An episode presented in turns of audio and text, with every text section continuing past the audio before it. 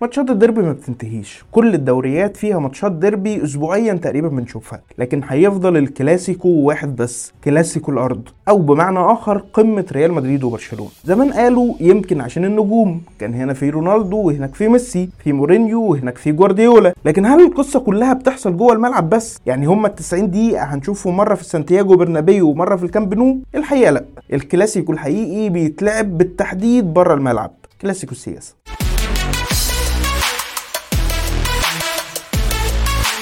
تاريخيا برشلونة اتأسس عشان يشيل قضية انفصال كاتالونيا. في قانونه الأساسي بيوصف نفسه باعتباره خادم الإقليم في المقابل الناحية التانية في ريال مدريد النادي الملكي باللقب وبالشعار اللي شايل التاج. في قصة بدأها الجنرال فرانكو اللي ورط الكورة في لعبة السياسة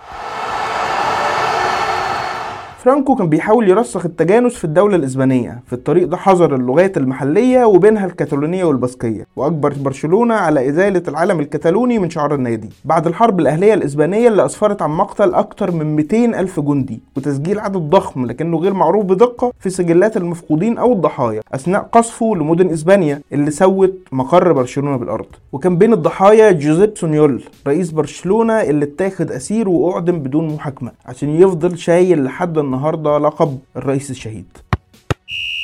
بعد كل الوحشية دي قدم النجاح الأوروبي لريال مدريد فرصة من ذهب لفرانكو. نجاح الريال هو نجاحه الشخصي. النادي بيمثل التقاليد واللغة والثقافة الإسبانية ومركزية السلطة اللي نفسه يحققها. ريال مدريد بالنسبة له كان أداة علاقات عامة مثالية خصوصا لما كان النادي الوحيد اللي التزم بسياساته مقابل برشلونة وغيره اللي حاربوا ضده. لحد ما جه ماتش نص نهائي الكاس سنة 1943 الكاس ده كان شايل لقب فرانكو. برشلونة وريال مدريد وصلوا لنص النهائي وبيلعبوا بعض. برشلونة في الماتش ده خسر 11 واحد.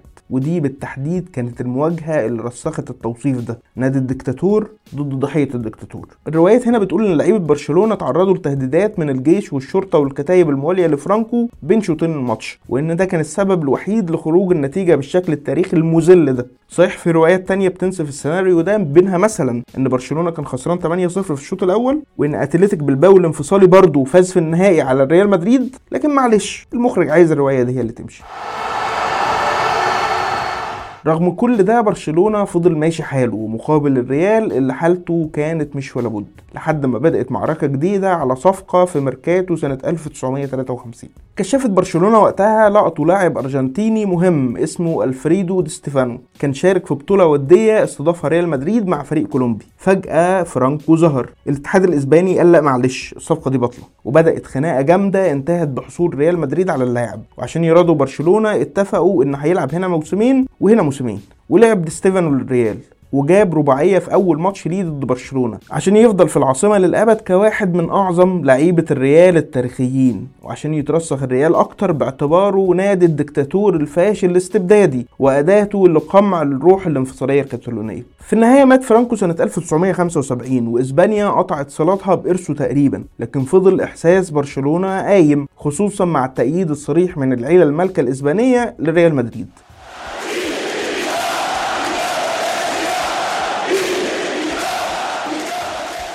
النهارده بقى يمكن الأحوال اتغيرت كتير. كل نادي من الاتنين بقى علامة تجارية عالمية ضخمة وبالتأكيد مش هيغامر بسمعته للدخول في صراع سياسي حتى لو كان سبب تأسيسه. لكن لحد النهارده برضه الكامب نو بيقدم لجمهور كاتالونيا ساحة تظاهر آمنة في كل ماتش. وفي الدقيقة 17 و14 ثانية من كل ماتش جمهور برشلونة بيصرخ بأعلى صوته independència.